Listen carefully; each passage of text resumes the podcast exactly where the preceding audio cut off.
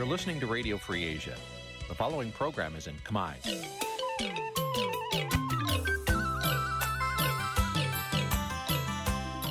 នេះជាកម្មវិធីផ្សាយ Vuthu Azizi Serai នេះជាកម្មវិធីផ្សាយរបស់ Vuthu Azizi Serai ជាភាសាខ្មែរ Vuthu Azizi Serai សូមស្វាគមន៍លោកអ្នកនាងទាំងអស់ពីរដ្ឋធានី Washington នៃសហរដ្ឋអាមេរិក ផ្សាយផ្ទាល់ពីរដ្ឋធានី Washington នាងខ្ញុំសុកជីវីសូមជម្រាបសួរលោកអ្នកនាងកញ្ញាដែលកំពុងតាមដានការផ្សាយរបស់ Vuthu Azizi Serai ទាំងអស់ជាទីមេត្រីយើងខ្ញុំសូមជូនកម្មវិធីផ្សាយសម្រាប់យប់ថ្ងៃអាទិត្យចាប់5កើតខែផលគុណឆ្នាំខាលចត្វាស័កពុរសករាជ2566ចាប់ត្រូវនៅថ្ងៃទី26ខែកុម្ភៈគ្រិស្តសករាជ2023ជាដំបូងនេះសូមអញ្ជើញលោកអ្នកនាងស្ដាប់ព័ត៌មានប្រចាំថ្ងៃដែលមានមេត្តាដូចតទៅ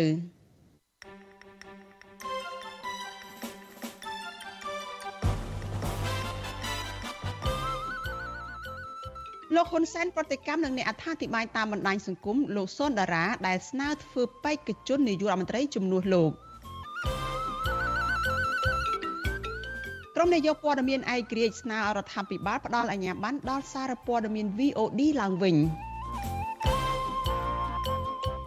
សហគមន៍ព្រៃនប់ខកចិត្តនឹងអាជ្ញាធរដែលបណ្ដេតបណ្ដោយឲ្យក្រុមហ៊ុនឯកជនឈូសឆាយផ្ទះប្រជាពលរដ្ឋ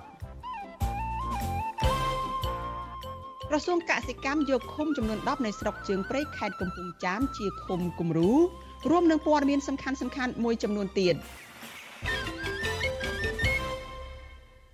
ចាជាបន្តទៅទៀតនេះនាងខ្ញុំសុជីវីសូមជូនព័ត៌មានទាំងនេះពិស្ដាចលនានាងជាទីមេត្រីក្រុមអ្នកសារព័ត៌មានសេរីដែលតែងតែចុះយកព័ត៌មានឲ្យវិទ្យុ VOD នៅតែទទូចស្នើសុំរដ្ឋាភិបាលអនុញ្ញាតឲ្យសារព័ត៌មាននេះបើកដំណើរការឡើងវិញ។ ដើម្បីជួយឲ្យថ្នាក់ដឹកនាំរដ្ឋាភិបាលបានដឹងពីបញ្ហារបស់ប្រជាពលរដ្ឋនៅតាមមូលដ្ឋានមន្ត្រីអង្គការសង្គមស៊ីវិលគាំទ្រចំពោះការស្នើសុំនេះព្រោះការអនុញ្ញាតឲ្យសារព័ត៌មាន VOD ដំណើរការឡើងវិញនិងជំរុញឲ្យបរិយាកាសបោះឆ្នោតថ្នាក់ជាតិនៅពេលខាងមុខនេះកាន់តែមានភាពល្អប្រសើរចាលោកអ្នកនាងនឹងបានស្ដាប់សេចក្តីរាយការណ៍នេះនៅក្នុងការផ្សាយរបស់យើងនៅពេលបន្តិចទៀតនេះ ចាលោកនាងជាទីមេត្រីចាព័ត៌មានតកតងនឹងប្រតិកម្មរបស់លោកហ៊ុនសែនទៅនឹងអ្នកដែលធ្វើអត្ថាធិប្បាយតាមបណ្ដាញសង្គម Facebook ឯនេះវិញចាលោកហ៊ុនសែនប្រតិកម្មនឹងអ្នកអត្ថាធិប្បាយគាំទ្រគណៈបកប្រឆាំងគឺលោកសុនដារាដែលបានស្នើសុំធ្វើបេក្ខជននាយករដ្ឋមន្ត្រីជំនួសរូបលោកចាជាថ្នូរនឹងការទៅចូលរួមជាមួយនឹងគណៈបកប្រជាជនកម្ពុជា ប្រតិកម្មនេះធ្វើឡើងបន្ទាប់ពីលោកសុនដារាប្រកាសថានឹងលាលែងពីបកប្រឆាំងប្រសិនបើលោកហ៊ុនសែន យល់ព្រមផ្ទេរតំណែងបេក្ខជននាយករដ្ឋមន្ត្រីឲ្យលោកឬក៏ព្រមបើកលំហប្រជាធិបតេយ្យហើយទម្លាក់ចោលការចោទប្រកាន់ទៅលើមេដឹកនាំនិងសកម្មជនគណៈបកប្រឆាំងដោយឥតលក្ខខណ្ឌចាលោកមានរិទ្ធមានសេចក្តីរាយការណ៍អំពីរឿងនេះ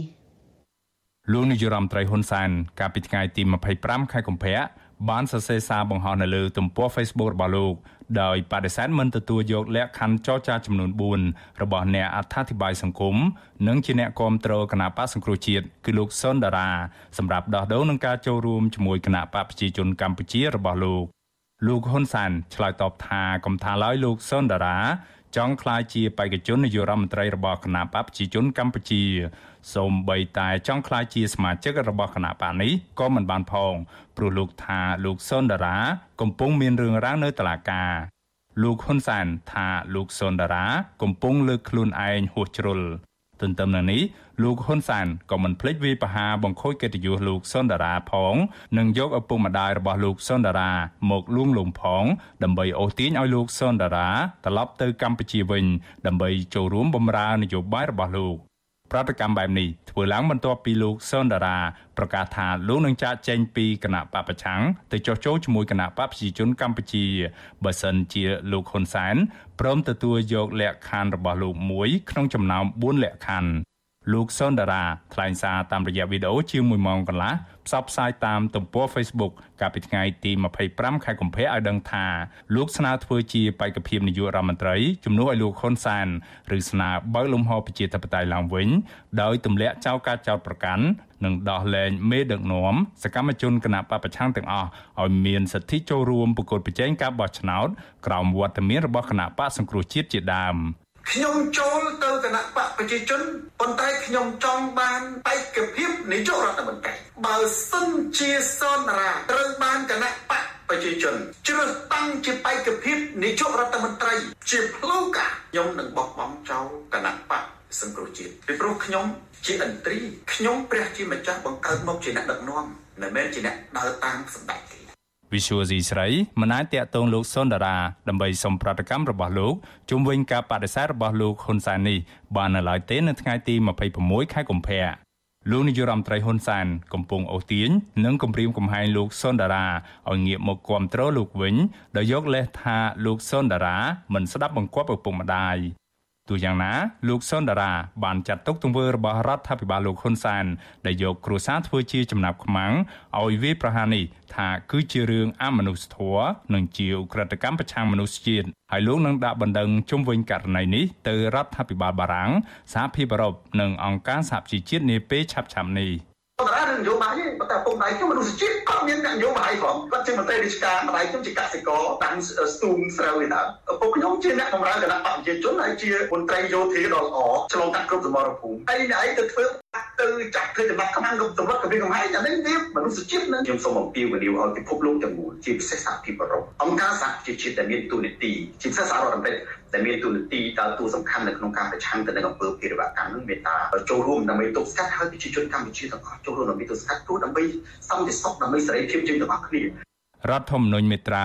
31ចែងថាប្រជាពលរដ្ឋខ្មែរគ្រប់រូបមានភាពស្មើគ្នានៅចំពោះមុខច្បាប់មានសិទ្ធិសេរីភាព និងករណីយកិច្ចដូចគ្នាទាំងអស់ដោយឥតប្រកាន់ពូជសាសន៍ពណ៌សម្បុរភេទភាសាជំនឿសាសនានិន្នាការនយោបាយដើមកំណើតឋានៈសង្គមធនធាន ឬស្ថានភាពឯទៀតឡើយ កន្លងទៅថ្មីថ្មីនេះនៅពេលដែលក្រុមអ្នកតស៊ូនៅក្រៅប្រទេសរិះគន់លោកហ៊ុនសែនម្ដងម្ដងលោកហ៊ុនសែនបាននិយាយទាំងកំហឹងថាបើទោះជាអ្នករិះគន់ទាំងនោះរស់នៅក្រៅប្រទេសដែលលោកមិនអាចតាមចាប់ដាក់គុកបានយ៉ាងណាក្តីក៏លោកអាចបញ្ជាឲ្យសមត្ថកិច្ចស្វែងរកសាច់ញាតិឬឪពុកម្ដាយរបស់អ្នកទាំងនោះបានដែរ ក្រោយការព្រមានរបស់លោកហ៊ុនសែនបែបនេះសមាជិកក៏បានចុះទៅដល់ផ្ទះឪពុកម្ដាយនៃអ្នករិះគន់ពីក្រៅប្រទេសជាបន្តបន្ទាប់ដូចជាឪពុកម្ដាយរបស់លោកសួងនេពវ័ននិងឪពុកម្ដាយរបស់លោកសុនដារានេះជាដើម ជុំវិញរឿងនេះអ្នកស្រាវជ្រាវការអភិវឌ្ឍសង្គមបណ្ឌិតសេងសេរី មានប្រសាសន៍ថាលោកសុនដារាគឺជាឃោសនិកចុងក្រោយដ៏មានប្រជាប្រិយភាពរបស់អ្នកប្រជាធិបតេយ្យឬអ្នកតស៊ូដែលមានអធិបុលមកលើផ្នត់គំនិតមហាជនឲ្យមើលឃើញនៅចំណុចអវិជ្ជមានជុំវិញការដឹកនាំរបស់រដ្ឋាភិបាលលោកហ៊ុនសែនបច្ចុប្បន្ននេះ លោកថាហេតុផលនេះហើយដែលបានធ្វើឲ្យលោកសុនដារាកំពុងក្លាយជាគោលដៅសំខាន់របស់លោកនាយរដ្ឋមន្ត្រីហ៊ុនសែនដែលត្រូវប្រើប្រាស់យុទ្ធសាស្ត្រនយោបាយពីរក្នុងពេលតែមួយគឺគម្រាមកំហែងគ្រួសារនិងយកឪពុកម្ដាយធ្វើជាចំណាប់ខ្មាំងដើម្បីអូសទាញឲ្យចុះចូលជាមួយគណៈបកប្រជាជនកម្ពុជារបស់លោក មិនមែនជារឿងចៃដន្យទេដែលលោកនាយករដ្ឋមន្ត្រីហ៊ុនសែនបានព្យាយាមតាក់ទាញលោកសុនដារាដោយសារតែយើងឃើញថាបើយើងនិយាយពីបណ្ដាញសារព័ត៌មានសំខាន់សំខាន់ចុងក្រោយរបស់តស៊ូប្រឆាំងជាមួយនឹងរដ្ឋាភិបាលហ្នឹងគឺ VOD ត្រូវបានរំលាយហើយក្រោយពីរំលាយ VOD ភ្លាមភ្លាមហ្នឹងគឺនៅមានលោកសុនដារាហ្នឹងឯងលោកសុនដារានឹងក្លាយទៅជាគោលដៅរបស់គណៈបកកណ្ដាលអំណាចជាពិសេសរបស់លោកនាយករដ្ឋមន្ត្រីហ៊ុនសែននៅក្នុងការតាក់ទាញលោកសុនដារាឲ្យចូលជាមួយគណៈបកប្រជាជនបាទ មន្ត្រីគណៈបពប្រឆាំងនិងមន្ត្រីសង្គមស៊ីវិលមើលឃើញថាលោកហ៊ុនសែនកំពុងប្រើប្រាស់អំណាចធនធានរដ្ឋដើម្បីប្រព្រឹត្តអំពើពុករលួយនយោបាយយ៉ាងសកម្មជាក់ស្ដែងលោកហ៊ុនសែនបានព្យាយាមបញ្ចុះបញ្ចូលលួងលោមនិងគំរាមកំហែងផងឲ្យក្រុមអ្នកដែលរិះគន់លោកទាំងនៅក្នុងប្រទេសនិងក្រៅប្រទេសដូចជាអ្នករិះគន់តាមបណ្ដាញសង្គមអ្នកសារព័ត៌មានគ្រូបង្រៀនសកម្មជននយោបាយបពប្រឆាំងនិងសកម្មជនសង្គមជាដើម ឲ្យបដូរជំហរមកបម្រើផលប្រយោជន៍នយោបាយដល់ក្រុមគ្រួសាររបស់លោកជាដើមខ្ញុំបាទមេរិត Visual C ស្រីពីរដ្ឋធានី Washington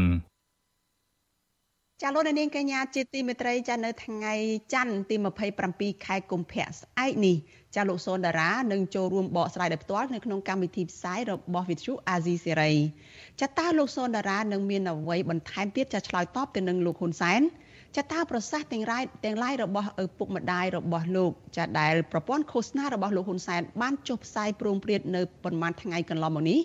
ធ្វើឡើងក្រោមការគៀបសង្កត់ឬយ៉ាងណា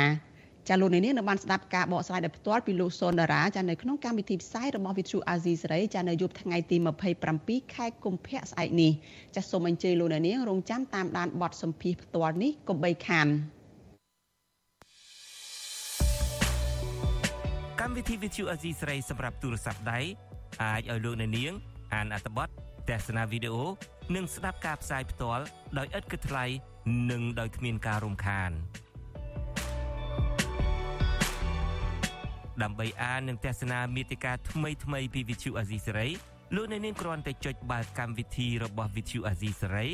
ដែលបានដំឡើងរួចរាល់លើទូរស័ព្ទដៃរបស់លោកអ្នកនាង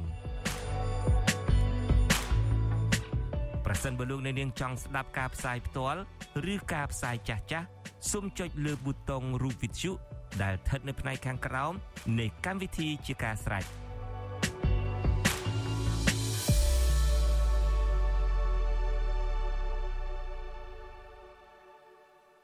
ចាលោកនាងកញ្ញាជាទីមេត្រីចាលោកអ្នកកំពុងតែតាមដានការផ្សាយរបស់ Vithu Azizi សេរីចាប់ផ្សាយចេញពីរដ្ឋធានី Washington សហរដ្ឋអាមេរិក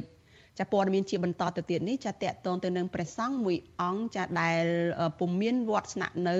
ហើយដោយសារតែព្រះអង្គចូលរួមធម្មយាត្រាដើម្បីលើកកម្ពស់សិលធម៌សង្គមចាប់ព្រះសង្ឃមួយអង្គដែលនិមន្តចូលរួមធម្មយាត្រាលើកកម្ពស់សិលធម៌សង្គមជាមួយនឹងសមាគមគ្រូបង្រៀនកម្ពុជាឯករាជ្យនៅតែប្រកាន់ជំហរស្វែងរកយុត្តិធម៌សង្គមដដែលបើទោះបីជាព្រះចៅអធិការវត្តបណ្ដេញព្រះអង្គចេញពីវត្តក៏ដោយ ចាប់ប្រដេចប្រគុណសយសាទឲ្យវិទ្យុអាស៊ីសេរីដឹងនៅថ្ងៃទី26ខែកុម្ភៈថាបច្ចុប្បន្នព្រះអង្គកំពុងតែគង់នៅក្នុងព្រៃមួយកន្លែងនៅឯខេត្តស្វាយរៀងព្រះអង្គបន្តថានៅមិនទាន់មានវត្តណាយល់ព្រមទទួលព្រះអង្គឲ្យគង់នៅនៅឡើយទេព្រះអង្គបញ្ជាក់ថាទ្រង់យល់ពីទុកសោករបស់ពលរដ្ឋដែលកំពុងតែរងគ្រោះដោយសារតែទង្វើអយុត្តិធម៌នៅក្នុងសង្គមទើបមិនអាចទ្រាំមើលទង្វើបែបនេះបាន ព្រះអង្គថានឹងនិមន្តធ្វើធម្មយាត្រាដើម្បីលើកកម្ពស់សិលធម៌សង្គមជាថ្មីទៀតនៅថ្ងៃខាងមុខ។ ក៏អត់មានទញោមបានថាគ្មានបារម្ភព្រោះយើងជាសង្ឃយើងដឹងច្បាស់ថាយើងបួសដើម្បីអ្វីយើងជាអ្នកលាចាកកាមគ្មានចិត្តសម្បែងព្រោះយើងបរិសុទ្ធទៅដោយសិលហើយឃើញទង្វើអយុត្តិធម៌ក្នុងសង្គមយើងរៀនប្រាប់ស្ដេចមន្ត្រីសេដ្ឋីឲ្យអ្នកមានឲ្យធ្វើនៅទង្វើល្អមិនមានអ្វីខុសទេហើយគ្មានខ្លាចឬឬខ្លាចសម្លាប់ឬចាប់ដាក់គុកគឺពុំមានទល់តែសង្ឃញោមព្រោះអ្វីដែលអាត្មាបានកំណត់ខ្លួនឯងជាសង្ឃសង្ឃប្រុសស័ក្តិមនុស្សទូទៅបាច់មន្ត្រីសេដ្ឋីណាមានឲ្យយល់អំពីល្អក៏សង្គមមួយមានការគៀបសង្កត់គ្រប់បែបគ្រប់យ៉ាងទាំងអស់តើក្នុងនាមជាសង្ឃដែលឆាន់ចង្ហាន់ពុទ្ធបរិស័ទតើទ្រាំមើលនៅទង្វើអយុត្តិធម៌អមនុស្សធម៌បានទេចាប់ប្រដេចប្រគុណសយសាទត្រូវបានប្រជាអធិការវត្តបណ្ដេញចេញពីវត្តក្រោយពេលដែលព្រះអង្គទៅចូលរួមធម្មយាត្រាលើកកម្ពស់សិលធម៌សង្គមជាមួយនឹងសមាគមគ្រូបង្រៀនកម្ពុជាឯករាជ្យកាលពីពេលថ្មីថ្មីនេះព្រះអង្គត្រូវបានប្រជាអធិការវត្តចោទថាចូលរួមធម្មយាត្រាគឺបំផ្លាញសុខសន្តិភាព។ ចាព្រះអង្គអះអាងថាព្រះអង្គនឹងនិមន្តធ្វើធម្មយាត្រាដើម្បីលើកកម្ពស់សិលធម៌សង្គមជាថ្មីទៀតនៅដើមខែមិនិនាខាងមុខនេះចាធម្មយាត្រានឹងចេញដំណើរពីទីលានប្រជាធិបតេយ្យសម្ដៅទៅព្រំដែនថៃនៅក្នុងគោលបំណងជំរុញរដ្ឋាភិបាលទម្លាក់ចោលបទចោទលើក្រុមអ្នកនយោបាយសកម្មជន និងពលរដ្ឋដែលតស៊ូមតិការពារផលប្រយោជន៍ជាតិចាធម្មយាត្រានេះព្រះអង្គនឹងមិនដាក់សេចក្តីជូនដំណឹងទៅក្រសួងមហាផ្ទៃនោះទេ ព្រោះនោះគឺជាការសម្ដែងធម៌ទេសនារបស់ព្រះសង្ឃមិនមែនជាការតវ៉ាណាមួយឡើយហើយធម៌ទេសនាបែបនេះគឺមិនមានដែនកំណត់នោះទេព្រះអង្គត្រេកអរស្វាគមន៍ពុទ្ធបរិស័ទចូលរួមធម្មយាត្រានេះជាមួយព្រះអង្គ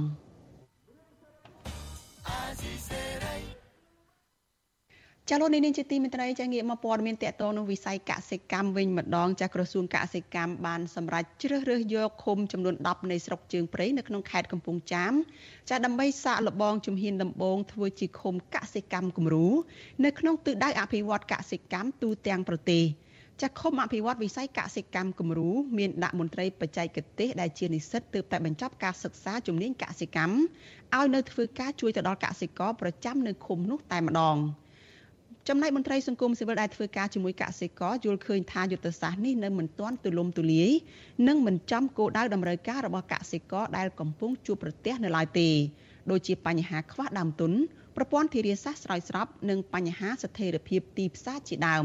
ចាលោកអ្នកនាងនឹងបានស្ដាប់សេចក្តីរាយការណ៍នេះពិស្ដារនៅក្នុងការផ្សាយរបស់យើងនៅពេលបន្តិចទៀតនេះ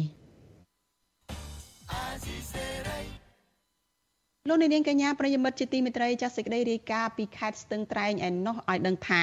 ប្រជាកសិករដែលជាជនជាតិដើមប្រជាសហគមន៍ដែលជាជនជាតិដើមភាគតិចចានៅក្នុងខេត្តនេះចំនួន53គ្រួសាររស់នៅក្នុងឃុំក្បាលរមៀសស្រុកសេសានខេត្តស្ទឹងត្រែងចាបានខិតខំត្រដររស់ទាំងលំបាកក្រោយរងគ្រោះពីទំនប់វារីអគិសនីសេសានក្រោម2អស់រយៈពេល5ឆ្នាំមកនេះ ពួកគាត់ថាបច្ចុប្បន្នប្រជាជនប្រកបរបរចិញ្ចឹមមាន់ទាគោក្របីនិងធ្វើស្រែចម្ការបន្តិចបន្តួចគ្រាន់យកប្រាក់ខ្លះមកផ្គត់ផ្គង់ជីវភាពប្រចាំថ្ងៃក៏ដោយសារតែពុំមានការយកចិត្តពីការយកចិត្តទុកដាក់ពីសំណាក់អាជ្ញាធរមូលដ្ឋានឲ្យបានត្រឹមត្រូវចាលោកសេបណ្ឌិតរាយការណ៍ព័ត៌មាននេះប្រជាសហគមន៍ជនជាតិភៀតតិចភ្នងទាំងនោះលើកឡើងថាពួកគាត់ត្រូវខិតខំប្រឹងប្រែងរកស៊ីជាងមុនព្រោះអ្វីអ្វី គឺជាការចាប់ផ្ដើមដំបូងទាំងស្រុងនៅលើទឹកដីថ្មីក្រោយពីដីស្រែផ្ទះសម្បែងរបស់ពួកគាត់ត្រូវបំផ្លិចបំផ្លាញអស់កាលពីឆ្នាំ2017ដោយសារតែក្រុមហ៊ុនវិរិយអគិសនីសេសានក្រោម2ទោះយ៉ាងណាប្រជាពលរដ្ឋទាំងនោះនៅតែទទូចសូមឲ្យអាជ្ញាធរពាក់ព័ន្ធជួយរកដំណោះស្រាយបញ្ហាជីវភាព និងវិវាទដីធ្លីជូនពួកគាត់ឲ្យបានឆាប់ជនជាតិដើមភាគតិចភ្នំម្នាក់ ដែលរស់នៅភូមិក្បាលរមាសឃុំក្បាលរមាសស្រុកសេសាន លោកដាំសំណាង ប្រាប់បទសុអាស៊ីសេរីថាចាប់តាំងពីប្រជាពលរដ្ឋបានសម្រេចចិត្តមករស់នៅ លើភូមិថ្មីទាំងបង្ខំមកពួកគាត់មិនសប្បាយចិត្តឡើយដោយសារតែការរកស៊ីប្រចាំថ្ងៃ មានការខ្វះខាតច្រើនខណៈដែលដីស្រែរបស់ពួកគាត់ត្រូវលិចទឹកអស់លោកបន្តថាប្រជាពលរដ្ឋទាំងនោះត្រូវខំថ្មិញសង្កត់ចិត្តចាប់ផ្ដើមធ្វើស្រែចម្ការ លើដីថ្មី ដែលមានទំហំដីតិចតួច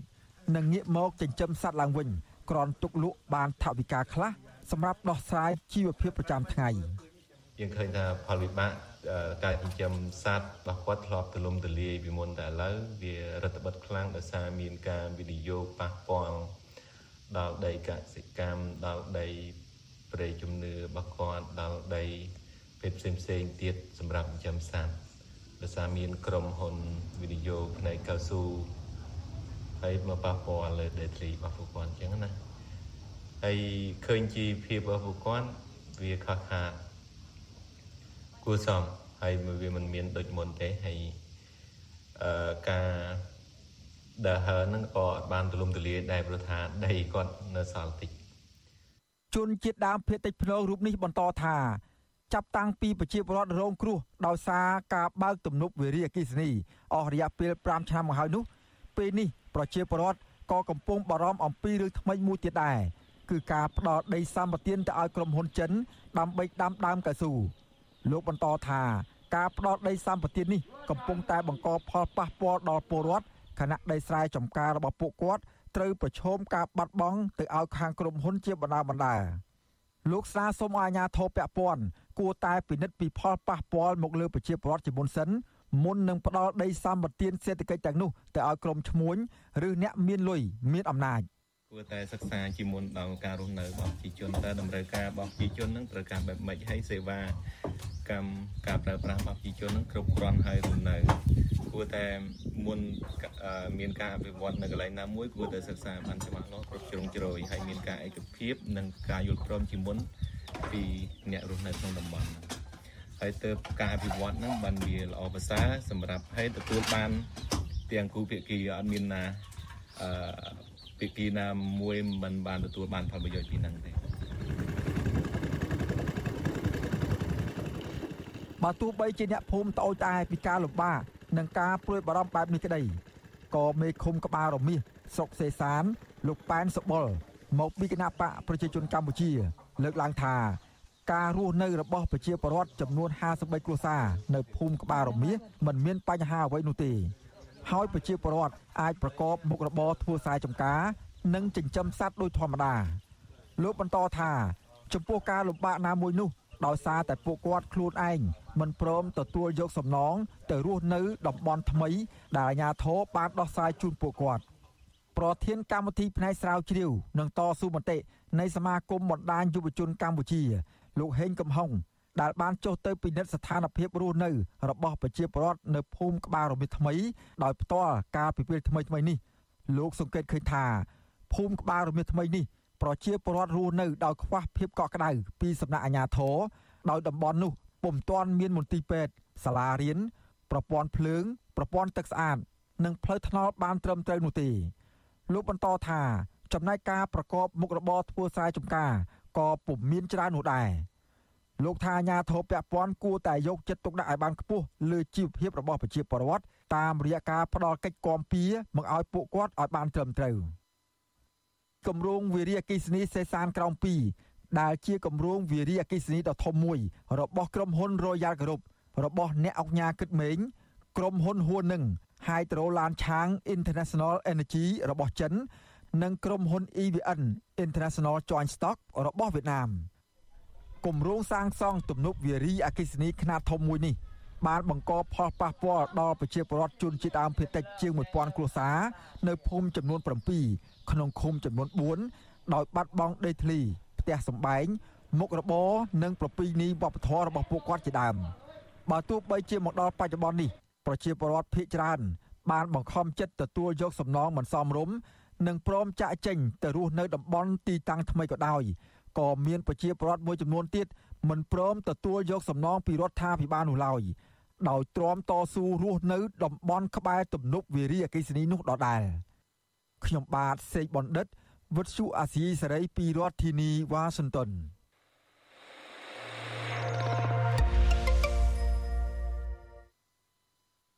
ចាលោកនាងកញ្ញាប្រិយមិត្តជាទីមេត្រីចាលោកអ្នកកំពុងតែតាមដានការផ្សាយរបស់វិទ្យុអាស៊ីសេរីចាថ្នាក់ដឹកនាំកម្ពុជានៃគណៈកម្មាធិការជាតិរៀបចំការបោះឆ្នោតហៅកាត់ថាកោជបត្រូវបានផ្លាស់ប្ដូររយៈពេលជាង1ឆ្នាំមកហើយចាប់ប្រធានកោជបបច្ចុប្បន្ននេះគឺលោកប្រាច័ន្ទដែលជាអតីតមន្ត្រីជាន់ខ្ពស់នៃគណៈបកប្រជាជនកម្ពុជាតើលោកប្រាច័ន្ទមានប្រវត្តិយ៉ាងណា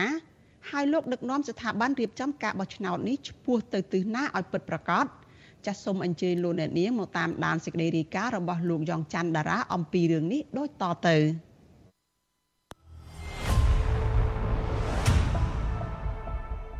លោកប្រាច័ន្ទបានក្លាយទៅជាប្រធានកោជបតាមរយៈការជ្រើសរើសពីលោកហ៊ុនសែនដែលជាប្រធានគណៈបកប្រជាជនកម្ពុជា លោកចូលកាន់តំណែងនៅចុងខែមិថុនាឆ្នាំ2021នៅពេលនោះលោកបានសន្យាជាអោឡារឹកថាលោកនឹងប្រឹងប្រែងអស់ពីកម្លាំងកាយចិត្តដើម្បីរៀបចំការបោះឆ្នោតដោយសេរីត្រឹមត្រូវនិងយុត្តិធម៌ក្នុងបំណងបង្កើនទំនុកចិត្តពីសំណាក់ភាគីពាក់ព័ន្ធនិងម្ចាស់ឆ្នោតវិញ្ញាសាដំបងដែលចូលមកធ្វើតេស្តការសន្យារបស់លោកប្រាច័ន្ទនោះគឺការបោះឆ្នោតក្រុមប្រឹក្សាឃុំសង្កាត់ឆ្នាំ2022លោកប្រាច័ន្ទបានប្រកាសថា ការបោះឆ្នោតនោះប្រព្រឹត្តទៅដោយត្រឹមត្រូវយុត្តិធម៌និងទៅតាមលក្ខណៈប្រជាធិបតេយ្យប្រហែលជាគ្មានការបោះឆ្នោតណា ដែលត្រង់បំផុតជាងការបោះឆ្នោតនៅកម្ពុជាដែលរាប់នៅការិយាល័យបោះឆ្នោតនោះទេបាននេះដល់ព័ត៌មានបានមកគឺស្ដែងចេញអំពីលទ្ធផលឃើញទាំងអស់គ្នាมันអាចលាក់លៀមបានទេគ្មាននរណាប្រឡំទៅកើតទេ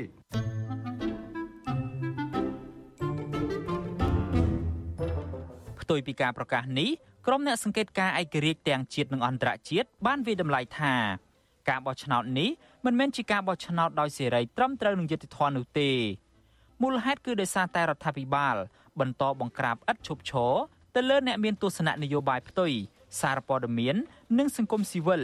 ជាពិសេសថ្នាក់ដឹកនាំកោជប7រូបចេញមកពីគណៈបកប្រជាជនកម្ពុជា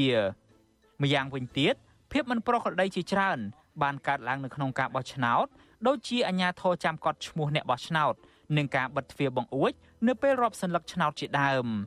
ជាងនេះទៅទៀតកោជបក្រោមការដឹកនាំរបស់លោកប្រាច័ន្ទហាក់មានសភាពយ៉ាប់យ៉ឺនជាងមុនទៅទៀតពីព្រោះស្ថាប័នអាជ្ញាកណ្ដាលមួយនេះបានគ្រប់គ្រងជាជំហរចំពោះការដឹកនាំរបស់លោកហ៊ុនសែននិងចេញមុខប្តឹងអ្នករិះគន់ទៅតុលាការ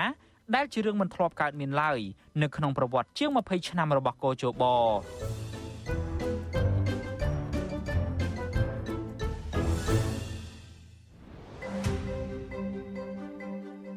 ប្រាច័ន្ទកើតនៅឆ្នាំ1957ដែលគិតមកដល់ពេលនេះលោកមានអាយុ66ឆ្នាំហើយ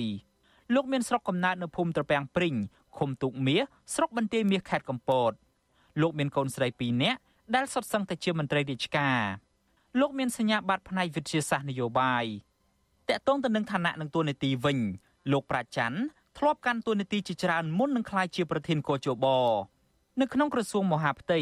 លោកឡើងតំណែងជាបន្តបន្ទាប់ពីឆ្នាំ1991ដល់ឆ្នាំ2009ពីដំបូងលោកជាប្រធាននាយកដ្ឋានគ្រប់គ្រងខេត្តក្រោយមកក្លាយជាប្រធាននាយកដ្ឋានរដ្ឋបាលទូទៅ បន្ទាប់មកទៀតជាអគ្គនាយករងរដ្ឋបាល និងចុងក្រោយ គឺជាអគ្គនាយករដ្ឋបាលនៃក្រសួងមហាផ្ទៃនៅក្នុងពេលកាន់តំណែងជាអគ្គនាយករដ្ឋបាលក្រសួងមហាផ្ទៃនេះលោកបានកាន់តំណែងមួយទៀត ជាអភិបាលខេត្តបាត់ដំបងពីឆ្នាំ2001ដល់ឆ្នាំ2013ក្រោយមកទៀតលោកប្រាច័ន្ទបានក្លាយទៅជាអភិបាលខេត្តត្បូងឃ្មុំចន្លោះពីឆ្នាំ2014ដល់ឆ្នាំ2017បន្តមកទៀតពីឆ្នាំ2018ដល់ឆ្នាំ2021លោកក្លាយជាតំណាងរាជខេត្តត្បូងឃ្មុំ និងជាប្រធានគណៈកម្មការសិទ្ធិមនុស្សទទួលពាក្យបណ្ដឹងអង្កេតនិងទំនាក់ទំនងរដ្ឋសភាព្រឹទ្ធសភា ប្រធានប្រតិបត្តិគណៈបកសង្គ្រោះជាតិខេត្តបាត់ដំបងលោកជាជីវដែលធ្លាប់ធ្វើជាសមាជិកក្រុមប្រឹក្សាខេត្តបាត់ដំបង នៅក្នុងអាណត្តិរបស់លោកប្រាច័ន្ទដែរនោះឲ្យដឹងថាអតីតអភិបាលខេត្តរូបនេះជាមនុស្សមិនសូវនិយាយស្ដីច្រើនមើងម៉ាត់អត្តនោម័តនិងបពុនិយមលោកសង្កត់ធ្ងន់ថា លោកប្រាច័ន្ទមិនមែនជាមនុស្សមានទស្សនៈនយោបាយបែបប្រជាធិបតេយ្យនោះទេ គាត់គឺជាបុគ្គលម្នាក់ដែលត្រូវបានគណៈបកកណ្ដាលអំណាចប្រើប្រាស់សម្រាប់ការបោះឆ្នោតមួយដែលមិនត្រឹមត្រូវមិនសេរីមិនយុត្តិធម៌មិនអធិក្រិតនិងមិនឯករាជ្យដើម្បីបំរើមហិច្ឆតារបស់គណៈបកកណ្ដាលអំណាចជាពិសេសគឺលោកហ៊ុនសែនក្រៅពីនេះលោកជាជីវឲ្យដឹងទៀតថាលោកប្រាច័ន្ទមានជាប់ពាក់ព័ន្ធនិងទទួលបានផលប្រយោជន៍អំពីការដោះដូរអគាររដ្ឋ និងគម្រោងវិនិយោគជាច្រើនកន្លែងនៅក្នុងខេត្តបាត់ដំបងការលើកឡើងនេះគឺស្របគ្នាទៅនឹងការរកឃើញរបស់អង្គការសង្គមស៊ីវិលអង្គការសង្គមស៊ីវិលពិនិត្យឃើញថាការដោះដូរអគាររដ្ឋមានវិសាលភាពធំធេងនៅក្នុងសម័យរបស់លោកប្រាច័ន្ទមានជាអាចការដោះដូរមន្ទីរសាធារណការខេត្តមន្ទីរកសិកម្មនិងមន្ទីរអប់រំជាដើមហើយពួកគេជឿជាក់ថាតិចឬច្រើនលោកប្រាច័ន្ទប្រកាសជាទទួលបានផលប្រយោជន៍ពីគម្រោងទាំងនេះ រីឯរឿងបកពួកនិយមវិញខ្សែស្រឡាយសាច់ញាតិរបស់លោកប្រាច័ន្ទក្នុងនោះមានទាំងតេកុងឡានរបស់លោកផង មានតួនាទីជាមន្ត្រីរាជការឬក៏ជានគរបាល នៅក្នុងខេត្តបាត់ដំបងបើនិយាយពីកិច្ចការនៅក្នុងបកវិញ លោកប្រាច័ន្ទគឺជាមន្ត្រីដោះស្លែនៃគណៈបកប្រជាជនកម្ពុជាលោកបានចូលរួមជាមួយគណៈបកនេះតាំងពីឆ្នាំ1979និងក្លាយជាសមាជិកគណៈកម្មាធិការកណ្ដាល មុននឹងលាលែងពីគណៈបកនៅពាក់កណ្ដាលឆ្នាំ2021ដើម្បីឈ្មោះទៅកាន់ការងារជាប្រធានថ្មីនៃកោជបជំនួសឲ្យលោកស៊ីកប៊ុនហុកដែលបានលាលែងក្រោមហេតុផលសុខភាពផ្ទាល់ខ្លួនអ្នកនាំពាក្យគណៈបកប្រជាជនកម្ពុជាលោកសុកអេសានថ្លែងថាការជ្រើសរើសលោកប្រាច័ន្ទឲ្យធ្វើជាប្រធានកោជបនេះគឺជាការសម្រេចផ្ទៃក្នុង ដែលមិនអាចនិយាយមូលហេតុចេញក្រៅបានទេ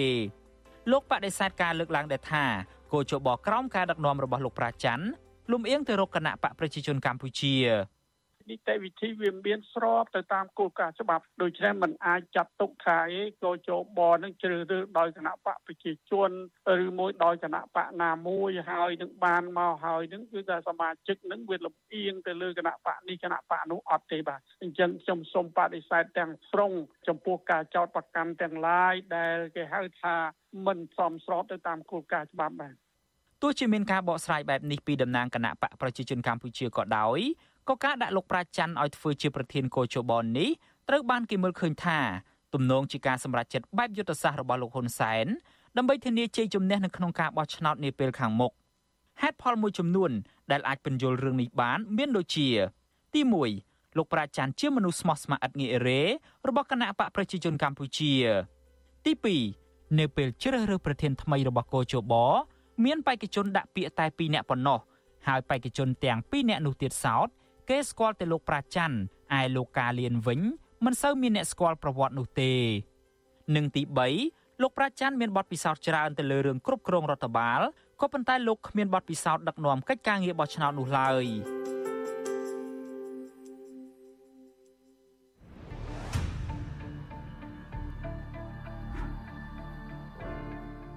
ក្រមអាណត្តិគ្រប់គ្រងរបស់លោកប្រាច័ន្ទកោជបបានប្រែក្លាយទៅជាស្ថាប័នប៉ះលែងបាន និងដើរចាក់ឆ្ងាយពីភាពជាអាញាកណ្ដាលដែលច្បាប់បានតម្រូវកោជបបានប្តឹងអនុប្រធានគណៈបកភ្លើងទៀនលោកសុនឆៃទៅតុលាការកាលពីខែមិថុនាឆ្នាំ2022ពីបទបរិហាកេរជាសាធារណៈក្រោយពីអ្នកនយោបាយចាស់វសារូបនេះលើកឡើងពីភាពមិនប្រក្រតីមួយចំនួន នៅក្នុងការបោះឆ្នោតឃុំសង្កាត់មានដូចជាការបំផិតបំភ័យពលរដ្ឋ ការលួចបន្លំសញ្ញាឆ្នោត និងភាពមិនឯករាជ្យរបស់គោជបជាដើមបណ្ដឹងរបស់គោជបនេះធ្វើឡើងស្របគ្នាទៅនឹងបណ្ដឹងរបស់គណៈបកប្រជាជនកម្ពុជា ប្រឆាំងទៅនឹងលោកសុនឆៃដែលមានអង្គហេតុប្រហាក់ប្រហែលគ្នានេះដែរតុលាការបានសម្រេចឲ្យលោកសុនឆៃចាញ់ក្តីដោយត្រូវបង់សំណងដល់ច្រានសន្ធឹកសន្ធាប់ទៅឲ្យភាគីដើមបណ្ដឹងលោកសុនឆៃថ្លែងថាការបដិងផ្ដាល់រូបលោកនេះ គឺជារឿងមិនសមហេតុផល និងជាការរំខានដល់សិទ្ធិនយោបាយរបស់លោកដល់មករូបខ្ញុំវាអត់មានហេតុផលទល់តែសោះការងារដែលខ្ញុំបានតវ៉ាគឺក្នុងចន្លោះនៃមុនការប្រកាសជាផ្លូវការនៃលទ្ធផលការបោះឆ្នោតហើយការតវ៉ាខ្ញុំនោះក៏យោងទៅតាមការសង្កេតរបស់អង្គការមិនមែនរដ្ឋាភិបាលរួមទាំងអង្គការសហប្រជាជាតិផងដែលសង្កេតឃើញពីភាពមិនប្រក្រតី ក្រៅពីប្តឹងថ្នាក់ដឹកនាំគណៈបកប្រឆាំងទៅតុលាការហើយនោះលោកប្រាច័ន្ទមិនបានលាក់លៀមអំពីជំហរគ្រប់គ្រងនិងភក្តីភាពរបស់លោកចំពោះលោកហ៊ុនសែនប្រធានគណៈបកកណ្ដាលអំណាចនោះទេនៅក្នុងលិខិតមួយច្បាប់កាលពីថ្ងៃទី20ខែធ្នូឆ្នាំ2022លោកប្រាច័ន្ទបានសម្ដែងការដឹងគុណចំពោះលោកហ៊ុនសែនដែលលោកថាបានដឹកនាំជាតិឲ្យទទួលបានសន្តិភាពពេញបរិបូរណ៍និងរីកចម្រើនគ្រប់វិស័យទន្ទឹមគ្នានេះលោកជូនពរដល់លោកហ៊ុនសែនឲ្យមានកម្លាំង និងអាយុវែងដើម្បីបន្តការដឹកនាំប្រទេសជាតិតទៅមុខទៀតអតីតសមាជិកកោជបនិងបច្ចុប្បន្នជាអនុប្រធានគណៈបកភ្លើងទៀនលោករងឈុនមានប្រសាសន៍ថាការដែលលោកប្រាច័ន្ទប្រើប្រាស់ស្ថាប័នកោជបដើម្បីគ្រប់គ្រងមេដឹកនាំគណៈបកកណ្ដាលអំណាចនេះគឺជារឿងមិនត្រឹមត្រូវឡើយក្នុងច្បាប់កោជបក៏ដូចជាច្បាប់រដ្ឋធម្មនុញ្ញចង្អុលបង្ហាញថាកោជបត្រូវតែមានឯករាជ្យភាពបាទ ហើយនៅពេលដែលយើងខ្លែងការបង្ហាញការគ្រប់គ្រងទៅលើរដ្ឋាភិបាលដែលដឹកនាំដោយគណៈបព្វជិជនអានឹងវាត្រូវធ្វើឲ្យយើងនឹងបាត់បង់ឯករាជ្យភាពរបស់ខ្លួនបាទវិទ្យុអាស៊ីសេរីបានតាក់ទងទៅលោកប្រាច័ន្ទដើម្បីឲ្យលោកឆ្លើយតបរឿងនេះដែរក៏ប៉ុន្តែលោករញឲ្យទៅសួរអ្នកនាំពាក្យកោជបលោកហងពុធាជំនួសវិញលោកហងពុធាបានបកស្រាយថា សារលិខិតនោះគឺជាការទទួលស្គាល់កិត្តិយស និងសេចក្តីថ្លៃថ្នូររបស់ប្រមុខរដ្ឋាភិបាល ដែលមានស្នាដៃដល់ជាតិរីឯការប្តឹងលោកសុនឆៃទៅតុលាការនោះវិញលោកហងពុធាបញ្ជាក់ថានេះគឺជាការការពារកិត្តិយសរបស់ស្ថាប័នកោជបកោជបត្រូវទទួលខុសត្រូវចំពោះសាធារណជនចំពោះមុខប្រវត្តិសាស្ត្រអញ្ចឹងប្រសិនបើមានការបំផ្លាញនៅកិត្តិយសនិងសេចក្តីថ្លៃថ្នូរនៃស្ថាប័នរៀបចំការបោះឆ្នោតហើយសំណួរសួរថាតើ ទំនុកចិត្តរបស់ប្រជាពលរដ្ឋទៅលើការរៀបចំបោះឆ្នោតហ្នឹងយ៉ាងណាទៅវិញទោះបីជាមន្ត្រីនាំពាក្យកោជបអះអាងបែបនេះក្តីក៏កន្លងទៅកោជបមិនទំនងជាទីទុកចិត្តសម្រាប់ម្ចាស់ឆ្នោតឡើយតាំងពីដើមមកស្ថាប័ននេះគ្រប់គ្រងដោយមនុស្សស្មោះស្ម័គ្រនឹងគណៈបកប្រជាជនកម្ពុជាហើយការបោះឆ្នោតរាល់លើកច្រើនតែរងការរិះគន់ថាមិនសេរីមិនត្រឹមត្រូវនិងមិនយុត្តិធម៌ជុំវិញរឿងនេះអ្នកសម្របសម្រួលផ្នែកអង្គការនឹងតស៊ូមតិ នៃអង្គការ Confrel គឺលោកកនសវាងមានប្រសាសន៍ថាច្បាប់ពាក់ព័ន្ធទៅនឹងការបោះឆ្នោតមិនបានចែងឲ្យកោជបត្រូវប្តឹងផ្ដាល់អ្នករិះគន់នោះទេហើយការប្តឹងផ្ដាល់នេះទៀតសោតក៏មិនអាចជួយការពារកិត្តិយសកោជបបាននោះដែរជាយាមដោះស្រាយបញ្ហា អ្វីដែលគេលើកឡើងជាគីពាក់ព័ន្ធលើកឡើងអានឹងទើបវាអាចជាការស្ដារមុខមាត់របស់ស្ថាប័នកោជបប៉ុន្តែបើប្រើប្រាស់យន្តការបណ្ដឹង វាមិនមែនជាដំណោះស្រាយទេវាគ្រាន់ថាមនុស្សខ្លាចឈប់អដេញនិយាយប៉ុន្តែសួរថាបំបត្តិការមិនទុកចិត្តនឹងបានទេវាមិនអាចបំបត្តិការមិនទុកចិត្តនឹងបានទេមានតែដំណោះស្រាយទេទើបអាចបំបត្តិបាន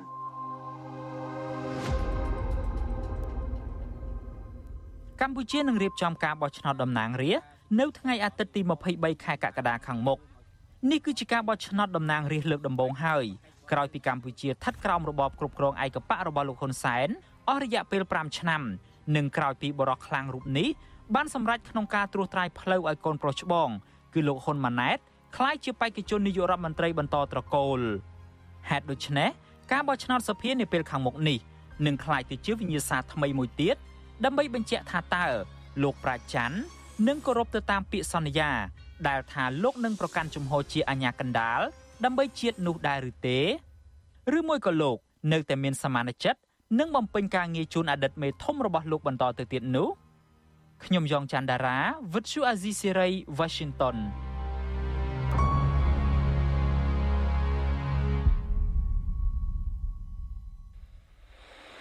ចាលោកនាងកញ្ញាចាលោកនាងកញ្ញាប្រិយមិត្តជាទីមេត្រីចានៅថ្ងៃច័ន្ទទី27ខែកុម្ភៈស្អែកនេះ ចាលោកសុនដារាដែលជាអ្នកអត្ថាធិប្បាយតាមបណ្ដាញសង្គមនិងជាអ្នកគាំទ្រគណៈបកប្រឆាំងចានឹងចូលរួមមកបកស្រាយដោយផ្ទាល់នៅក្នុងកម្មវិធីផ្សាយរបស់វិទ្យុអាស៊ីសេរីចតាលោកសុនដារានឹងមានការឆ្លើយតបបន្ថែមអ្វីខ្លះទៅលោកហ៊ុនសែនវិញចតាប្រសាសន៍ទាំងឡាយរបស់ឪពុកម្ដាយរបស់លោកដែលប្រព័ន្ធឃោសនារបស់លោកហ៊ុនសែនបានចុះផ្សាយប្រងព្រាតនៅប្រមាណថ្ងៃនេះធ្វើក្រោមការគៀបសង្កត់ឬយ៉ាងណា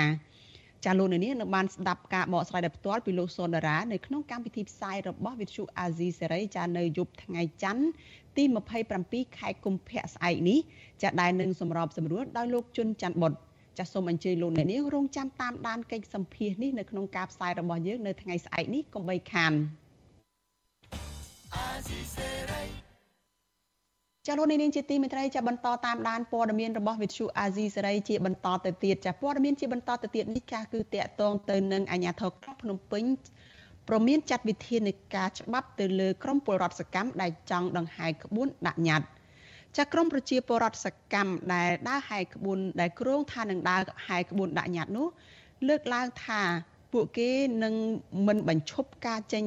ចាពួកគេនឹងបញ្ឈប់ការធ្វើសកម្មភាពដើរហែកក្បួនរបស់ពួកគេឡើយពីព្រោះតែពួកគេចង់ស្នើឲ្យក្រសួងចំនួន2ចាបញ្ឈប់ការចេញបានស្នាក់អចិន្ត្រៃយ៍ដល់ប្រជាពលរដ្ឋវៀតណាមដែលរស់នៅខុសច្បាប់នៅកម្ពុជា និងការបង្កើតឲ្យមានផ្នែកសិក្សាភាសាវៀតណាមនៅសាកលវិទ្យាល័យភូមិន្ទភ្នំពេញចាបើទោះបីជាពួកគេត្រូវប្រឈមនឹងការប្រមានចាប់ខ្លួនពីអាជ្ញាធររាជធានីភ្នំពេញយ៉ាងណាក្តី សង្គមស៊ីវិលលើកឡើងថាច្បាប់រដ្ឋធម្មនុញ្ញអនុញ្ញាតឲ្យពលរដ្ឋមានសិទ្ធិប្រមូលផ្ដុំដើរឬក៏ដង្ហែក្បួនដោយសន្តិដោយសន្តិវិធីចាលោកជីវតារាយការណ៍អំពីរឿងនេះក្រមប្រជាពលរដ្ឋសកម្មបានអំពាវនាវដល់ប្រជាពលរដ្ឋផ្សេងទៀតឲ្យចូលរួមដើរដង្ហែក្បួនដាក់ញត្តិឲ្យបានច្រើនកុះកនៅពេលខាងមុខដែលនឹងធ្វើដំណើរចាក់ចេញពីរមណីយដ្ឋានវត្តភ្នំទៅក្រសួងមហាផ្ទៃនិងក្រសួងអប់រំយុវជននិងកីឡា ដើម្បីស្នើឲ្យមានការបញ្ឈប់ការចេញបានស្នាក់នៅអចិន្ត្រៃយ៍ដល់ជនអន្តោប្រវេសន៍វៀតណាមនិងបញ្ឈប់ការសាងសង់អគារសិក្សាអក្សរសាស្ត្រវៀតណាមនៅសាកលវិទ្យាល័យភូមិន្ទភ្នំពេញប្រធានក្រុមកូនខ្មែរអ្នកស្នេហាជាតិឬក្រុមពលរដ្ឋសកម្មលោកអ៊ុំឈុំប្រាប់វិទ្យុអាស៊ីសេរីនៅថ្ងៃទី26កុម្ភៈថា ការដើរដង្ហែក្បួនលើកដំបូងនេះនឹងអាចធ្វើឡើងនៅខែខាងមុខឬខែបន្ទាប់ ប្រសិនបើសំណូមពររបស់ពួកគេមិនត្រូវបានយកចិត្តទុកដាក់ដោះស្រាយពីក្រសួងពាក់ព័ន្ធលោកបន្តថាការដើរដង្ហែក្បួននឹងធ្វើឡើងបើទោះជាលោកកើតឆែអភិបាលរងរាជធានីភ្នំពេញបានប្រមានចាត់វិធានការក្តីគាត់បានឆ្លើយថាគឺអត់បានជាដាច់ខាតបើសិនជាយើងហ៊ានធ្វើបែបនេះគឺគេនឹង ចាត់វិធានការច្បាប់ដើម្បីមកចាត់ការជាមួយនឹងយើងហើយគេបានប្រមានថាកុំព្យាយាមផ្លុំភ្លើងចំបើងឲ្យឆេះកាលណាដែលយើងផ្លុំភ្លើងចំបើងឲ្យឆេះគេក៏អត់ខ្វះឡានទឹកនៅចាំពន្លត់ដែរលោកអ៊ុំឈុំបន្តថាការប្រមាននេះធ្វើឡើងនៅពេលក្រុមយុវជន3នាក់ ត្រូវបានអនុញ្ញាតឲ្យចូលទៅជួបពិភាក្សាជាមួយមន្ត្រីនៅសាលារដ្ឋាភិបាលភ្នំពេញ កាលពីថ្ងៃទី23កុម្ភៈជុំវិញការស្នើសុំប្រមូលផ្ដុំពលរដ្ឋសម្ដែងមតិនៅទីលានប្រជាធិបតេយ្យលោកបន្ថែមថា នៅក្នុងការជួបពិភាក្សាគ្នានោះអភិបាលរងរាជធានីភ្នំពេញលោកកើតឆែថែមទាំងបានចោទមកលើក្រុមយុវជននិងពលរដ្ឋសកម្មថាបាននាំគ្នាបង្កើតព្រឹត្តិការណ៍ដើម្បីធ្វើជាមុខរបរជុំវិញការលើកឡើងនេះ វិទ្យុអាស៊ីសេរីមិនអាចសុំការឆ្លើយតបពីលោកកើតឆែនិងមន្ត្រីនាំពាក្យសាលារដ្ឋាភិបាលភ្នំពេញលោកមេតមាសភក្តីបានទេ នៅថ្ងៃទី26កុម្ភៈនាយកទទួលបន្ទុកកិច្ចការទូតនៃអង្គការលីកាដូលោកអំសំអាត លើកឡើងថាកតិកាសញ្ញានិងសន្ធិសញ្ញាសិទ្ធិមនុស្សជាច្បាប់អន្តរជាតិដែលកម្ពុជាបានទទួលស្គាល់និងរដ្ឋធម្មនុញ្ញកម្ពុជា បានធានាពីសិទ្ធិសេរីភាពរបស់ពលរដ្ឋគ្រប់រូប អាចធ្វើការជួបជុំប្រមូលនិងដើរដង្ហែក្បួនដើម្បីសម្ដែងមតិដោយសន្តិវិធីហើយបើសិនជាគ្មានការសម្របសម្រួលការចរចាហើយប្រកាន់តែរឿងហាមឃាត់ដោយដាច់ខាតនឹងការប្រើប្រាស់អំពើហិង្សាទោះជាក្នុងទម្រង់រូបភាពណាក៏ដោយកើតចេញពីភាគីណាក៏ដោយវាជាទម្រង់មួយដែលមិនល្អទេសម្រាប់ សិទ្ធិសេរីភាពនៅក្នុងការជួបជុំការប្រមូលផ្ដុំក៏ដូចជាការដង្ហែក្បួនដោយសន្តិវិធី ដែលស្របតាមរដ្ឋធម្មនុញ្ញនិងច្បាប់ស្រីពីបាតកម្មដោយសន្តិវិធីហើយផ្ទុយទៅវិញនាំឲ្យមានការរិះគន់អំពីការរំលោភទៅលើសិទ្ធិជាមូលដ្ឋានរបស់ពលរដ្ឋទៅវិញនោះនៅថ្ងៃអាទិត្យទី26កុម្ភៈក្រុមយុវជននិងពលរដ្ឋសកម្មប្រមាណ30នាក់បានប្រមូលផ្ដុំគ្នានៅទីលានប្រជាធិបតេយ្យ ដោយអ្នកខ្លះបានអង្គុយកាន់បដាតវ៉ាស្ថិតក្រោមការឃ្លាំមើលពីអាជ្ញាធរប្រមាណជិត10នាក់ការប្រមូលផ្ដុំគ្នានេះធ្វើឡើងបន្ទាប់ពីពួកគេដាក់ញត្តិដោយគ្មានការដើរដង្ហែក្បួនម្ដងរួចហើយកាលពីខែកញ្ញាឆ្នាំ2022គណៈលោកថែធីឡែនជាអ្នកដឹកនាំការតវ៉ានេះត្រូវបានសមត្ថកិច្ចចាប់ដាក់ពន្ធនាគារតាំងពីដើមខែតុលាមកក្រុមយុវជននិងពលរដ្ឋសកម្មទាំងនោះបានលើកឡើងថា ការតវ៉ាបញ្ឈប់ការចេញបានស្នាក់នៅអចិន្ត្រៃយ៍ដល់ពលរដ្ឋវៀតណាមនិងការទៀមទាបញ្ឈប់ការសាងសង់អគារសិក្សាអក្សរសាស្ត្រវៀតណាមនៅសាកលវិទ្យាល័យភូមិន្ទភ្នំពេញមិនមានចេតនារើសអើងឬបញ្ឆេះកំហឹងឲ្យស្អប់ពូជសាសន៍ឡើយប៉ុន្តែដើម្បីការពារផលប្រយោជន៍ខ្មែរគ្រប់រូបកុំឲ្យបាត់បង់ទឹកដីបន្ថែមដោយការបាត់បង់ទឹកដីខ្មែរនៅកម្ពុជាក្រោមចំណែកមន្ត្រីសិទ្ធិមនុស្សនៃអង្គការលីកាដូលោកអំសំអាតបញ្ជាក់បន្ថែមថា គ្រប់ប្រទេសទាំងអស់តែមានច្បាប់ស្តីពីសញ្ជាតិនិងច្បាប់ស្តីពីអន្តោប្រវេសន៍ដើម្បីការពារកុំឲ្យមានជនអន្តោប្រវេសន៍ខុសច្បាប់ចូលរស់នៅដែលអាចបង្កឲ្យមានផលវិបាកនៅពេលខាងមុខលោកបញ្ជាក់ថាប្រសិនបើកម្ពុជាអនុវត្តទៅតាមគោលការណ៍នៃច្បាប់នេះឲ្យបានត្រឹមត្រូវក្នុងការអនុញ្ញាតឲ្យជនបរទេសណាមានសិទ្ធិអាចរស់នៅស្របច្បាប់ ហើយជនបរទេសណាដែលចូលមកកម្ពុជាដោយខុសច្បាប់នឹងត្រូវបណ្តេញចេញវិញនោះ មិនមែនជាការរើសអើងពូជសាសន៍ឡើយខ្ញុំជីវិតាអាស៊ីសេរីចាលោកនាងកញ្ញាប្រិយមិត្តជាទីមេត្រីចាព័ត៌មានជាបន្តទៅទៀតនេះចាតកតងទៅនឹងប្រតិកម្មរបស់ក្រុមអ្នកសារព័ត៌មានចាជំវិញការបិទទ្វារវិទ្យុសម្លេងប្រជាធិបតេយ្យ VOD ដែលពួកគេចាត់ទុកថាគឺជាស្ថាប័នព័ត៌មានចុងក្រោយឯករាជ្យហើយជាស្ថាប័នដែលធានាសិទ្ធិសេរីភាពបញ្ចេញមតិរបស់ប្រជាពលរដ្ឋ ចាក្រុមអ្នកសារព័ត៌មានសេរីដែលតែងតែចុះយកព័ត៌មានឲ្យវិទ្យុ VOD នៅតែទទូចស្នើរដ្ឋាភិបាលអនុញ្ញាតឲ្យសារព័ត៌មាននេះបើកដំណើរការឡើងវិញដើម្បីជួយឲ្យថ្នាក់ដឹកនាំរដ្ឋាភិបាលដឹងពីបញ្ហារបស់ប្រជាពលរដ្ឋនៅតាមមូលដ្ឋានចាមន្ត្រីអង្គការសង្គមស៊ីវិលគាំទ្រចំពោះការស្នើសុំនេះព្រោះការអនុញ្ញាតឲ្យសារព័ត៌មាន VOD ដំណើរការឡើងវិញ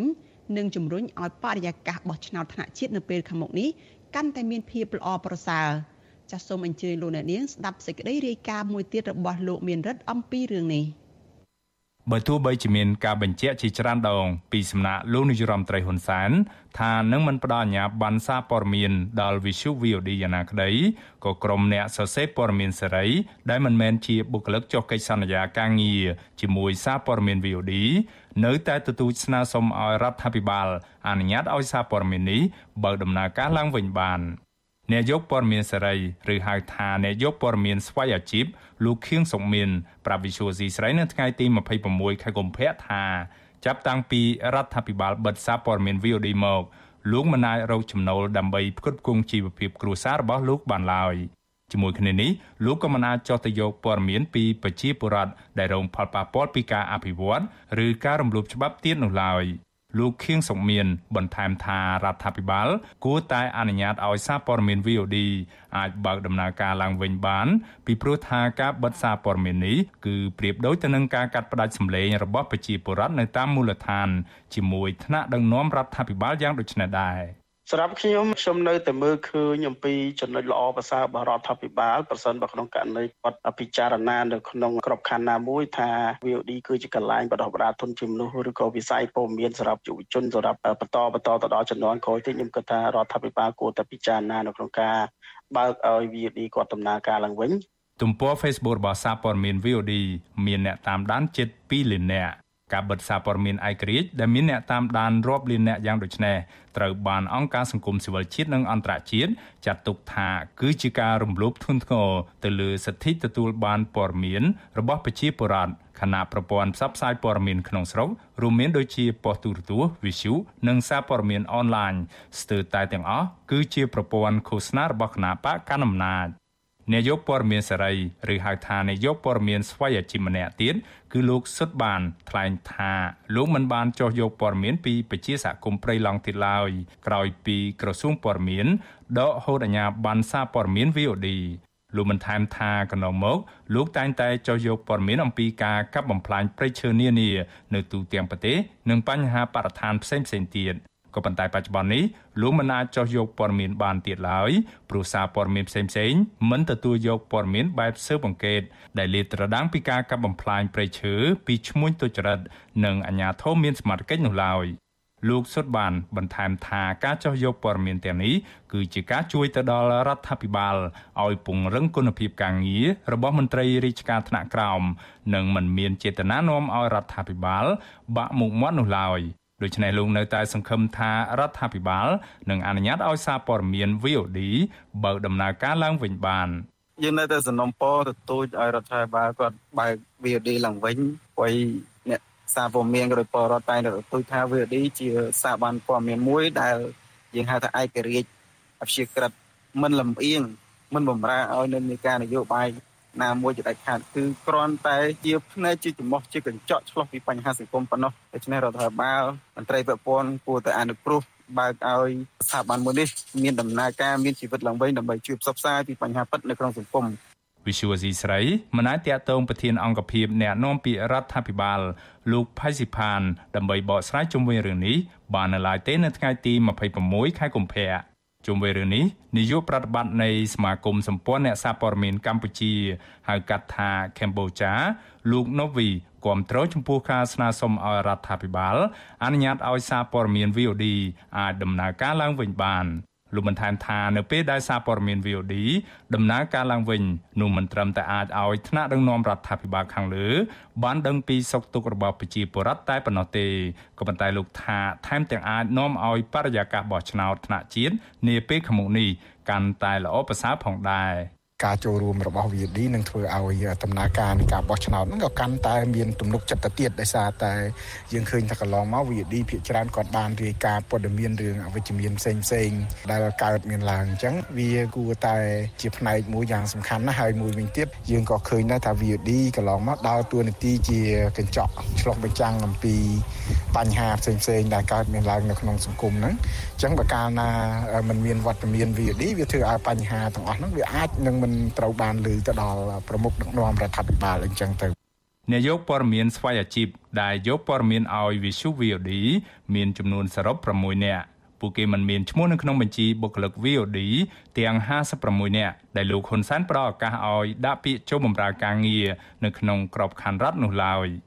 គិតត្រឹមថ្ងៃទី26ខែកុម្ភៈមានបុគ្គលិក VOD សរុបចំនួន20នាក់ហើយដែលបានដាក់ពាក្យទទួលយកការងារក្របខ័ណ្ឌរដ្ឋ ពួកគេទាំងនោះភាគច្រើនគឺជាបុគ្គលិកផ្នែករដ្ឋបាល និងបច្ចេកទេសហើយមិនមែនជាអ្នកចោះយកព័ត៌មាននោះទេ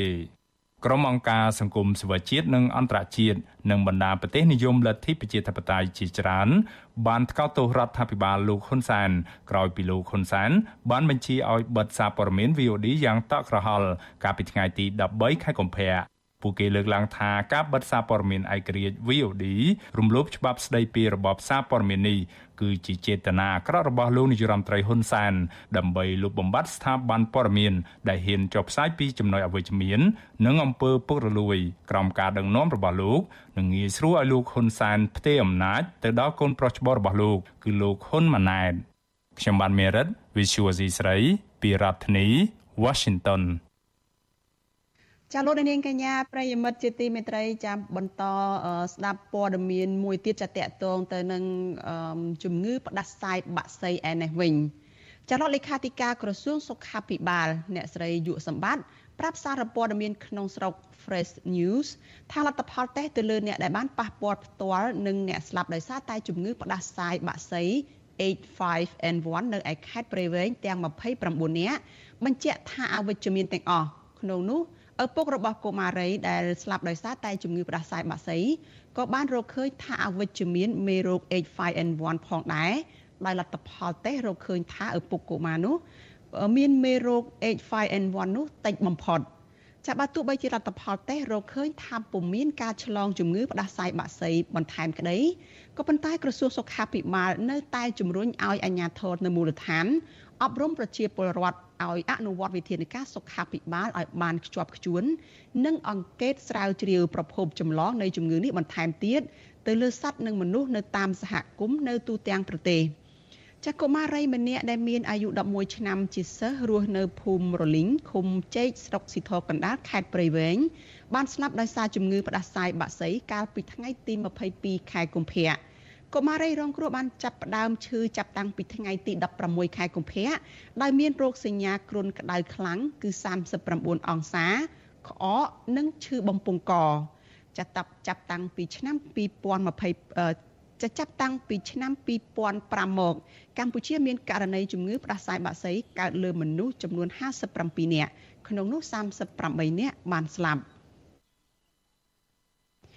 ចលនានាងជាទីមិត្តរីក្រសួងកសិកម្មបានសម្រេចជ្រើសរើសយកឃុំចំនួន10នៃស្រុកជើងព្រៃខេត្តកំពង់ចាមដើម្បីសាកល្បងជំហានដំបូងធ្វើជាឃុំកសិកម្មគំរូនៅក្នុងទិសដៅអភិវឌ្ឍវិស័យកសិកម្មនៅទូទាំងប្រទេសចាក់ឃុំអភិវឌ្ឍវិស័យកសិកម្មគំរូមានដាក់មន្ត្រីបច្ចេកទេសដែលជានិស្សិតទើបបញ្ចប់ការសិក្សាជំនាញកសិកម្មឲ្យនៅធ្វើការងារជួយកសិករប្រចាំនៅឃុំនោះតែម្ដង។ ចំណែកមន្ត្រីសង្គមស៊ីវិលដែលធ្វើការជួយកសិករយល់ឃើញថាយុទ្ធសាស្ត្រនេះមិនទាន់ទូលំទូលាយនិងចំគោលដៅតម្រូវការរបស់កសិករដែលកំពុងជួបប្រទះនោះនៅឡើយទេដូចជាបញ្ហាខ្វះខាតដើមទុនប្រព័ន្ធធារាសាស្ត្រស្រោចស្រពនិងបញ្ហាស្ថិរភាពទីផ្សារជាដើមចាសសូមស្ដាប់សេចក្តីរាយការណ៍មួយទៀតរបស់លោកសេកបណ្ឌិតអំពីរឿងនេះ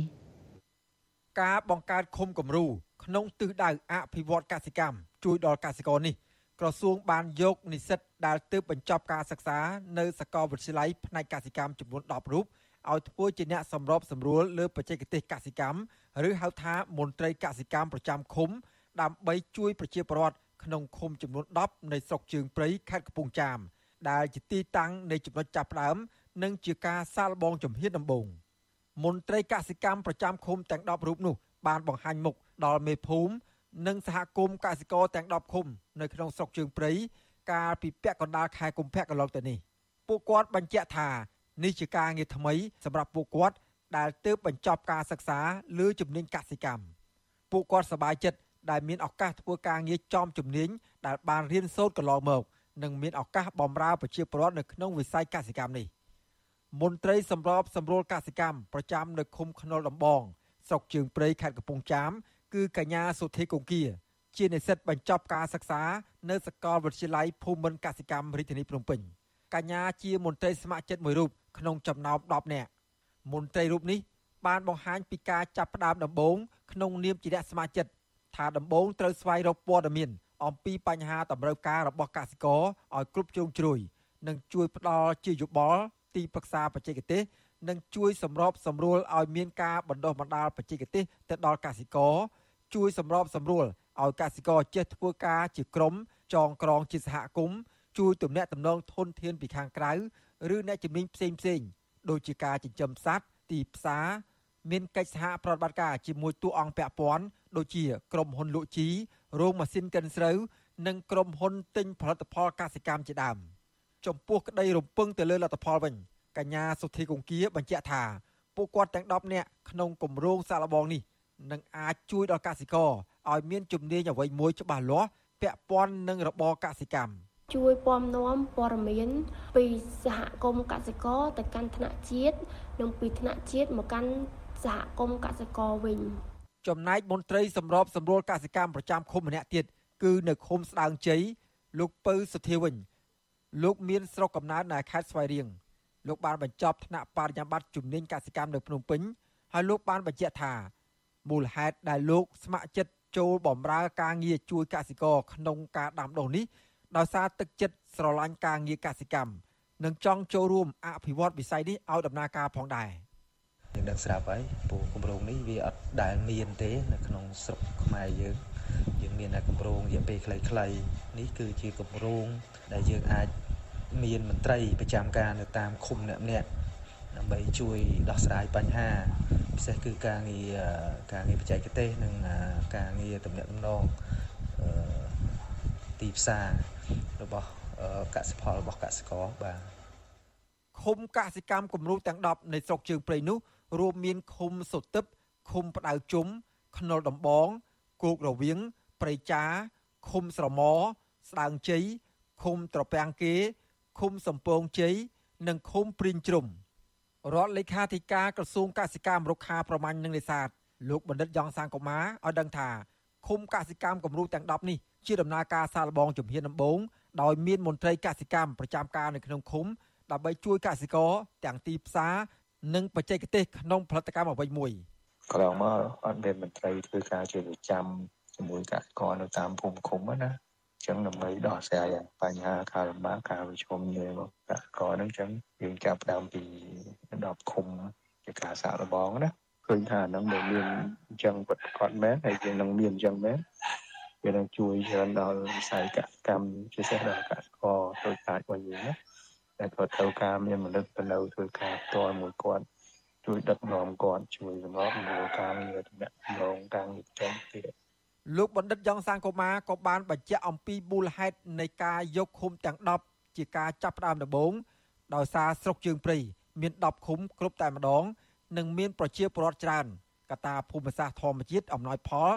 មានភាពចម្រុះនៃដំណាំ និងមានមុខរបរជាច្រើនពាក់ព័ន្ធនឹងវិស័យកសិកម្មគម្រោងនេះលោកយ៉ងសាងកូម៉ាជាអ្នកដឹកនាំដោយផ្ទាល់ដោយមានការយល់ព្រមពីរដ្ឋាភិបាលជាពិសេសក្រសួងកសិកម្ម គម្រោងនេះដែរមិនមែនជាគំនិតថ្មីស្រឡាងរបស់លោកទេពីព្រោះគម្រោងនេះលោកធ្លាប់បានលើកឡើងជារឿយៗនិងធ្លាប់បានដាក់បញ្ចូលក្នុងគោលនយោបាយរបស់គណៈបកប្រជាធិបតេយ្យមូលដ្ឋាន GDP កាលពីលោកនៅជាប្រធានគណៈកម្មការនយោបាយនៃគណៈបកនេះមុននឹងលោកចុះចូលនឹងគណៈបកកណ្ដាលអំណាចនិងទទួលតំណែងក្នុងក្រសួងកសិកម្មតកតទៅនឹងបញ្ហានេះប្រធានសមាគមនៃសហគមន៍កសិករកម្ពុជាហៅកាត់ថា CCFC លោកថេងសវឿន មិនទាន់អាចសន្និដ្ឋានបាននៅឡើយថាគម្រោងនេះនឹងចំណេញដល់ប្រជាពលរដ្ឋឬក៏យ៉ាងណានោះទេប៉ុន្តែជាបឋមនោះលោកមើលឃើញថាគម្រោងនេះអាចជាយុទ្ធសាស្ត្រនយោបាយមួយនិងហាក់មិនទាន់ទូលំទូលាយនឹងចំគោលដៅនៃតម្រូវការចាំបាច់ខ្លាំងរបស់ប្រជាកសិករដែលកំពុងជួបប្រទះនឹងការលំបាកនៅឡើយដូចជាបញ្ហាខ្វះដើមទុនប្រព័ន្ធធារាសាស្ត្រស្រោចស្រពនិងបញ្ហាស្ថិរភាពទីផ្សារជាដើម ជាទូទៅយើងមើលឃើញថាកសិករកន្លងមកជាង30ឆ្នាំនេះទាំងទុនទាំងក្របពូជនិងវត្ថុធាតុដើមអីផ្សេងផ្សេងនេះរត់មិនយកចិត្តទុកដាក់ហើយគាត់មិនសូវទទួលបាននៅការស្វែងរកនឹងបានសមស្របទេរកតម្លៃបានសមរម្យទេអញ្ចឹងការបង្កើនថវិកាជាតិសម្រាប់គ្រប់គ្រងដល់កសិករខ្នាតតូចពិសេសគឺការរៀបចំគោលនយោបាយសហការពិសេសកសិកម្មដែលគិតទៅលើកសិករខ្នាតតូចនេះ វាត្រូវតែដាក់នៅធនធានថវិកាបន្ថែមទៀតហើយទាំងការរៀបចំឲ្យមានប្រព័ន្ធទ្រាសាស្ត្រស្រោចស្រពផងដែរបាទទោះយ៉ាងណាក្តីលោកថានឹងតាមដានមើលលើការអនុវត្តជាក់ស្ដែងថាតើនឹងមានលទ្ធផលវិជ្ជមានឬអវិជ្ជមានបែបណាខ្លះពីគម្រោងមួយនេះមន្ត្រីស្ម័គ្រចិត្តសម្របសម្រួលកសិកម្មប្រចាំនៅឃុំទាំង10នៃស្រុកជើងព្រៃកាលពីថ្ងៃទី15ខែកុម្ភៈបានបង្ហាញមុខជួបប្រជុំជាមួយនឹងមេឃុំ ក្រុមប្រសាឃុំមេភូមិទាំង14 និងតំណាងសហគមន៍កសិកម្មអភិបាលស្រុកជើងព្រៃនិងតំណាងនាយកដ្ឋានដំណាំស្រូវផ្សព្វផ្សាយកសិកម្មផងដែរដើម្បីណែនាំផ្សព្វផ្សាយពីគម្រោងនិងការងាររបស់ពួកគេដើម្បីសូមឲ្យមានកិច្ចសហការគ្នាឲ្យបានល្អនិងជួយជំរុញការងារនេះដើរលឿនទៅមុខប្រកបដោយប្រសិទ្ធភាពខ្ពស់ខ្ញុំបាទសេកបណ្ឌិតវិទ្យុអាស៊ីសេរីពីរដ្ឋធានីវ៉ាស៊ីនតោន ចាលោកនាងជាទីមេត្រីចាព័ត៌មានដាច់ដライមួយទៀតចាសហគមន៍ព្រៃនប់ខកចិត្តនិងអាជ្ញាធរខេត្តប្រសិទ្ធអនុដែលមិនអើពើដោះស្រាយវិវាទដីធ្លីរបស់ពួកគាត់ដោយបណ្តែតបណ្ដោយឲ្យក្រុមហ៊ុនឯកជនឈូសឆាយផ្ទះពលរដ្ឋអស់ជាច្រើនខ្នងការលើកឡើងនេះធ្វើឡើងបន្ទាប់ពីក្រុមហ៊ុនឯកជនមួយឈ្មោះថា Ever Fortune បានឈូសឆាយផ្ទះរបស់ប្រជាពលរដ្ឋ600ខ្នងទាំងកំរោលដើម្បីសាងសង់ជាសួនលំហែដោយពុំមានអាជ្ញាធរទប់ស្កាត់ឡើយ។ ចាលោកនាងនៅបានស្ដាប់សេចក្តីរាយការណ៍នេះនៅក្នុងការផ្សាយរបស់យើងនៅព្រឹកស្អែកចាដែលនឹងចាប់ផ្ដើមពីម៉ោង5កន្លះដល់ម៉ោង6កន្លះព្រឹក